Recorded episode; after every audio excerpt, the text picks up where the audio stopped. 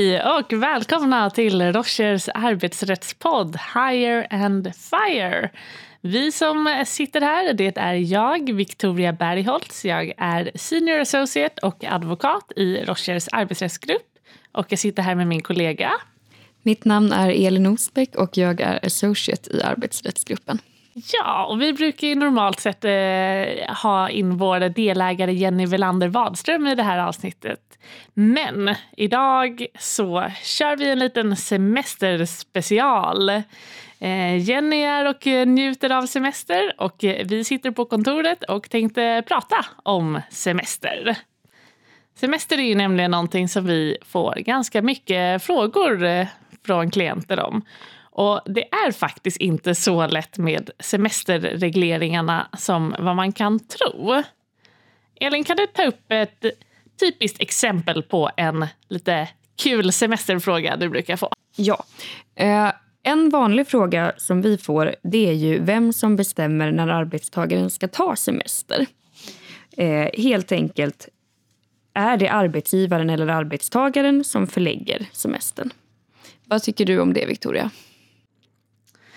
Ja, om du frågar mig som arbetstagare så hade jag ju önskat att jag skulle kunna bestämma helt fritt. Då hade ju den där Greklandsresan kunnat bli av 2017. Men nu är det faktiskt arbetsgivaren som i slutändan har rätt att förlägga semestern.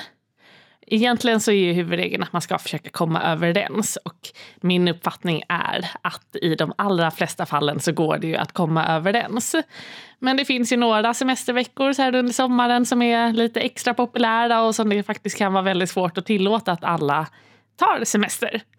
Eh, och då eh, kan det ju bli svårt att eh, låta alla arbetstagare få semester när de vill. Och då blir det i slutändan arbetsgivarens beslut. Det kan vara någonting som behöver förhandlas med facket men det, till syvende och sist så blir det arbetsgivaren som bestämmer. Och nu när du ändå är inne på de här populära specialveckorna i mitten av juli mm. som alla vill ha. Eh, hur länge kan man ha rätt att ha semester på sommaren? Finns det någon specialreglering där? Ja, där är det faktiskt så att arbetsgivaren måste tillåta att arbetstagarna tar fyra veckor sammanhängande semester mellan juni och augusti. Däremot så finns det ju inget, ingen reglering om exakt när de här veckorna ska förläggas utan det kan ju ske då när som helst under sommaren som arbetsgivaren tycker är lämpligt med hänsyn till verksamheten. Det kan ju även hända att det är en verksamhet där det faktiskt är väldigt, väldigt svårt att ge ledigt under sommaren. Vissa verksamheter har ju faktiskt sin högsäsong under sommaren och då kanske det inte är lämpligt att de anställda tar fyra veckor sammanhängande semester. Och eh, då kan det hända att eh, semestern behöver flyttas. Men om man som arbetsgivare ändå i slutändan är skyldig att ge semester under fyra veckor på sommaren mellan juni och augusti och trots det inte gör det kan man bli skyldig att utge skadestånd till arbetstagaren. Ja, absolut. Det kan du bli som arbetsgivare. Då kan du bli skyldig att eh, betala ett så kallat allmänt eh, skadestånd till arbetstagaren och eh, ersätta den skada som, eh, som arbetstagaren har lidit.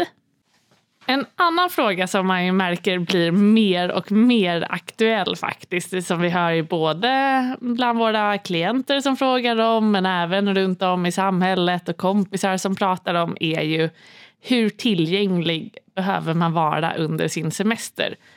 Kan du som arbetsgivare begära att dina anställda ska kolla, eh, kolla mejl under semestern och svara på telefon när det ringer? Och I det sammanhanget kan man konstatera att semesterlagen är ju lite äldre än mejlen. Mm. Eh, när den skrevs så fanns det inte mejl. Eh, och man har också haft som utgångspunkt den typen av arbete som man bara kan lämna och komma tillbaka till fyra veckor senare. Och därför så har semesterlagen inte tagit hänsyn till det här problemet. Mm. Finns det egentligen något rätt och fel här? Eller vet vi det ännu? Egentligen inte riktigt faktiskt, utan där får man väl se lite grann på vad är det för typ av eh, verksamhet som bedrivs. Är det ett absolut krav att de anställda eh, ska vara tillgängliga och kolla sin mejl under semestern. Till exempel så kan det sägas att eh, för oss advokater så har vi ju det advokatetiska regelverket att förhålla oss till. Och det säger ju att vi faktiskt ska vara tillgängliga. Eh, sen innebär det ju absolut att vi advokater också ska kunna ta semester men man kanske inte kan checka ut i fem veckor och inte kolla mejlen utan det finns faktiskt krav på att eh, ha viss tillgänglighet och kunna kolla mejlen under semestern. För att man ska kunna ta tillvara sin klients intressen på bästa sätt. Mm, exakt. Men om jag ska komma med en, eh, en liten framtidsspaning så känns det väl som det här är någonting som kanske kommer regleras framöver i Sverige. Just det här med eh, tillgänglighetsfrågor är ju någonting som eh, ja, men har dykt upp mer och mer på senare år och verkligen inte eh, har tagits hänsyn till i lagen. Och det finns ju vissa andra länder som har börjat reglera det här mer och mer. Frankrike väckte ju väldigt mycket uppmärksamhet här om året eh, när de kom med en ny eh, lag om att eh, du som arbetsgivare faktiskt inte kan kräva att de anställda kollar mejlen efter jobbet. Och vem vet, kanske kan någonting liknande komma i Sverige framöver. Det får vi väl se helt enkelt. Det har ju betydelse både på semestern och under resten av året. Mm, ja, verkligen. Kvällar och helger och allt möjligt. Och hur ser det ut då, Elin, när man får ett eh, nytt jobb? Det här är ju en eh, väldigt vanlig fråga. Hur ser det ut med rätten till betald semester under första året? Semesterlagen säger inte att man har rätt till semester första året. Mm. Sen kan det finnas en annan reglering i kollektivavtal eller i ett individuellt avtal. Mm. Men om vi utgår från semesterlagen så skiljer den på intjänande år och semesterår. Mm. Och det första året när man är anställd då har man inte rätt till betald ledighet utan då tjänar man in rätt till betald semester som man kan utnyttja under därpå följande år, nämligen semesteråret. Mm, just det. Men man hör ju ändå väldigt många som har betald semester under första året i sina anställningar. Hur kommer det sig? Det finns lite olika modeller. En som är vanlig är förskottssemester. Och Då får man helt enkelt ta semester som man inte har tjänat in. Och Den kan man ju då behöva den skulden kan man då behöva justera mellan arbetsgivaren och arbetstagaren. och Det kommer vi återkomma till. Den andra modellen är att man har sammanfallande intjänande och semesterår. och Då tjänar man in semesterrättigheter samtidigt som man också har rätt att utnyttja dem. Mm. Och Sen kan det ju också bli en mismatch mellan hur mycket man har tagit ut och hur mycket man har tjänat in mm. som man sen kommer att behöva reglera mm. mellan parterna. Just det. För det är ju så att enligt eh, semesterlagen som du nämnde så är ju det första året är ett intjänande år och sen så kommer semesteråret. Och det är ju faktiskt så krångligt så att det är inte ett vanligt kalenderår som gäller utan semesteråret löper ju från 1 april till 31 mars. Så busigt. Mm, det är helt eh, galet att de eh, skojar till det så i semesterlagen. Så det finns ju en del arbetsgivare som då tycker att det är lättare att helt enkelt köra ett kalenderår och samma eh, intjänande som semesterår så att de anställda får betald semester från början. Men eh, inget eh, krav enligt lagen och eh, vår rekommendation är ju som vanligt var tydlig. Reglera det här i eh, avtal och policies om det är så att du inte har ett kollektivavtal som säger vad som ska gälla. Och du nämnde innan det här med att man kan behöva betala tillbaka eh, semester som man har fått som man inte har tjänat in. Hur funkar det? Ja, Det kan ju bli en lite obehaglig överraskning om man har varit anställd en kort tid och sen lämnar sin anställning. Och Sen kanske man har en kort period mellan jobb när man inte har lön och dessutom blir man av med lite lön innan man slutar. Mm. Och Då är det så enligt semesterlagen att om man har varit anställd kortare perioden fem år, då kan man bli skyldig att betala tillbaka semester som man har fått i förskott. Mm. Men den här eh, förbetalda ledigheten den kan man bara kvitta mot semesterersättning som man skulle fått när anställningen upphörde vilket då är intjänad rätt till betald semester som man skulle kunna använt därpå följande år men som man inte kan utnyttja eftersom man slutar sin anställning. Mm. Så att man kan liksom bara kvitta inom semesterenheten, mm. kan man säga. Mm. Ja, Ja, men precis. Så att om det är så att den anställda har maxat ut all sin semester och det inte finns någon semesterersättning att eh, kvitta mot, då kan det ju vara lite svårt för arbetsgivaren. Och därför så kan det faktiskt vara en bra idé att eh, reglera i avtalen mellan arbetsgivaren och eh, den anställda att arbetsgivaren ska ha rätt att kvitta även mot lön. Och det är ju lite busigt för det kan ju arbetstagaren också ta tillbaka. Mm, just det, men det kanske vi inte ska nämna högt. Nej. Många arbetstagare som blir glada nu. Men den här avräkningen, den kan ju inte göras i alla lägen heller. Utan om det är så till exempel att arbetsgivaren har sagt upp den anställda på grund av arbetsbrist så att det har ingenting med den anställda att göra personligen utan organisatoriska förändringar som sker inom företaget. Då går det inte att avräkna eh, förskottssemester. Det finns ett par andra fall också när det inte går men det här är väl den absolut vanligaste situationen. Victoria, om man inte tar ut alla semesterdagar ett år som man, man har rätt till då har jag ibland hört i media att de brinner inne och sånt där. Mm. Brinner verkligen semesterdagar inne. Ja, mm. förra året gjorde de kanske det, för då var det så himla himla varmt. Mm. Men eh, om vi bortser från 2018 års sommar, när brinner semesterdagar verkligen inne? Det kan ju absolut stämma att de brinner inne. Eh, enligt eh, semesterlagen så har en anställd rätt till 25 dagars betald semester. Eh, vi kan väl säga också att det är väldigt vanligt att arbetsgivare ger mer semesterdagar. Eh, 30 semesterdagar är väldigt vanligt i förhållande till tjänstemän, framförallt tjänstemän som inte har övertidsersättning. Så blir de här fem extra dagarna en kompensation för att man inte har rätt till eh, ersättning för övertid. Men det är ju inte så då att man som anställd kan välja ett år att nej men i år vill jag inte vara ledig så nu sparar jag alla mina 25 eller 30 semesterdagar och så tar jag riktigt långledigt nästa år. Det är nästan både en rättighet och en skyldighet för arbetstagaren att vara ledig mm. eh, och få tid för rekreation för man behöver vila. Mm. Så det är liksom både ja, en förmån och en skyldighet. Exakt, och det är ju det som egentligen hela semesterlagen eh, utgår ifrån att det är viktigt för de anställda att faktiskt eh, få ledigt. Så det är någonting som både de anställda och arbetsgivaren eh, gynnas av. Och det är precis det tänket som ligger bakom till exempel att om man skulle bli sjuk på sin semester då ska man inte utnyttja semesterdagar för det egentligen, utan då kan man få tillbaka de semesterdagarna som anställd. Just för att under de dagarna så har man ju faktiskt inte kunnat vila upp sig. Eh, men om vi återgår till frågan då med att spara semesterdagar finns det en rätt enligt semesterlagen att eh, spara fem semesterdagar till nästkommande år. Och man får spara semesterdagarna i maximalt eh, fem år. Så att du kan egentligen enligt semesterlagen bygga upp en bank på 25 sparade semesterdagar. Och om det är så att du har fått extra semesterdagar av din arbetsgivare så att du har 30 semesterdagar istället för 25 då finns det inte särskilt reglerat i lagen att de semesterdagarna, eh, att de där fem extra semesterdagarna också får sparas. Det kan ju vara en eh, fråga som vi får ofta. Att, eh, jo, men, eh, behöver vi tillåta att de anställda sparar fem eller tio semesterdagar? Men det är fem semesterdagar som gäller enligt lagen och allting annat behöver man komma överens om om man som arbetsgivare vill tillåta den anställda att spara fler.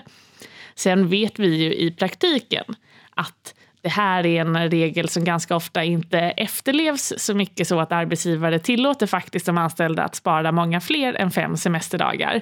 Och där vill vi lyfta en liten varningens finger för att eh, det kan bli väldigt, väldigt dyrt när anställningen upphör.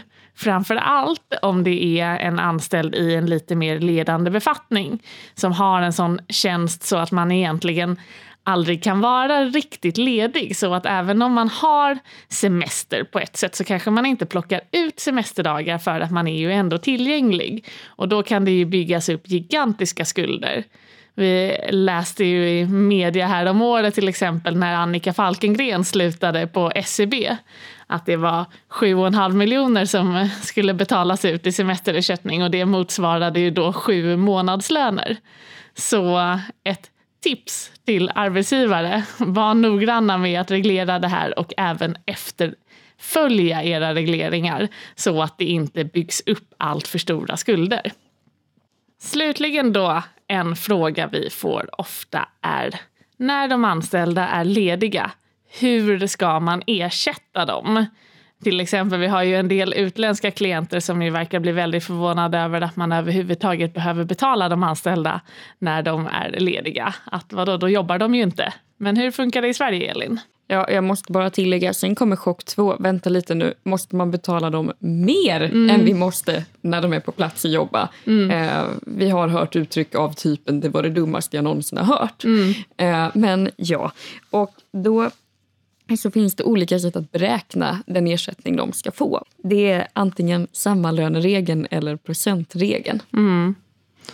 Sammalöneregeln bygger helt enkelt på att när en anställd är ledig då ska den få samma lön som vanligt. Eh, så det är ganska lätt att beräkna. Men sen kommer ju det här luriga lilla semestertillägget också. Det som ju då många utländska företag verkar tycka är helt sjukt. Att i Sverige så får man faktiskt mer pengar när man är ledig. Men det är ju för att man ska kunna göra lite roliga saker på sin semester helt enkelt. Eh, ta en extra öl i baren eller vad det kan vara. Och då ska du som arbetsgivare betala ut ett semestertillägg på 0,43 procent per semesterdag enligt lagen. Och det finns ju kollektivavtal då där det kan vara ganska mycket dyrare. Mm. Så även om kollektivavtalen är praxis på svensk arbetsmarknad i mångt och mycket mm. så kan man ändå notera att de i det här läget vad gäller semestertillägg är ganska mycket dyrare än vad mm. lagen utgår ifrån.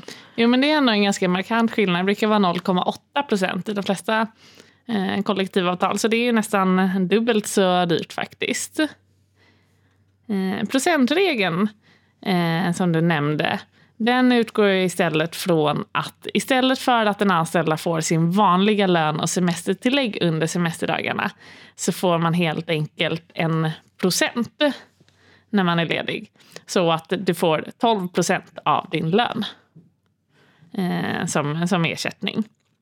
Och det här brukar framför allt användas när det är anställda som inte har vanliga månadslöner för då är det ju väldigt svårt att beräkna vad är den anställdas eh, vanliga lön under tiden som den är ledig. Så att om du till exempel har en anställd med eh, mycket provision och som regelbundet har rörliga lönedelar då ska du använda procentregeln istället. Men eh, om du har en anställd med en vanlig avtalad månadslön så är huvudregeln istället samma löneregeln. Och där minns jag när jag själv var timanställd på ett äldreboende att jag fick min, eh, mitt semestertillägg utbetalt som en procent när jag jobbade under hela året. Mm.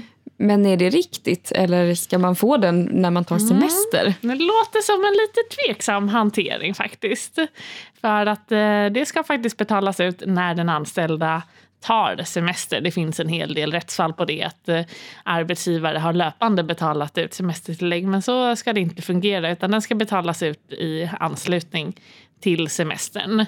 Däremot så är det så att som, som arbetsgivare, om du har gjort fel och faktiskt betalat ut det löpande istället, eh, då kommer ju, du inte behöva betala det igen om det inte är så att de anställda har lidit någon skada av det.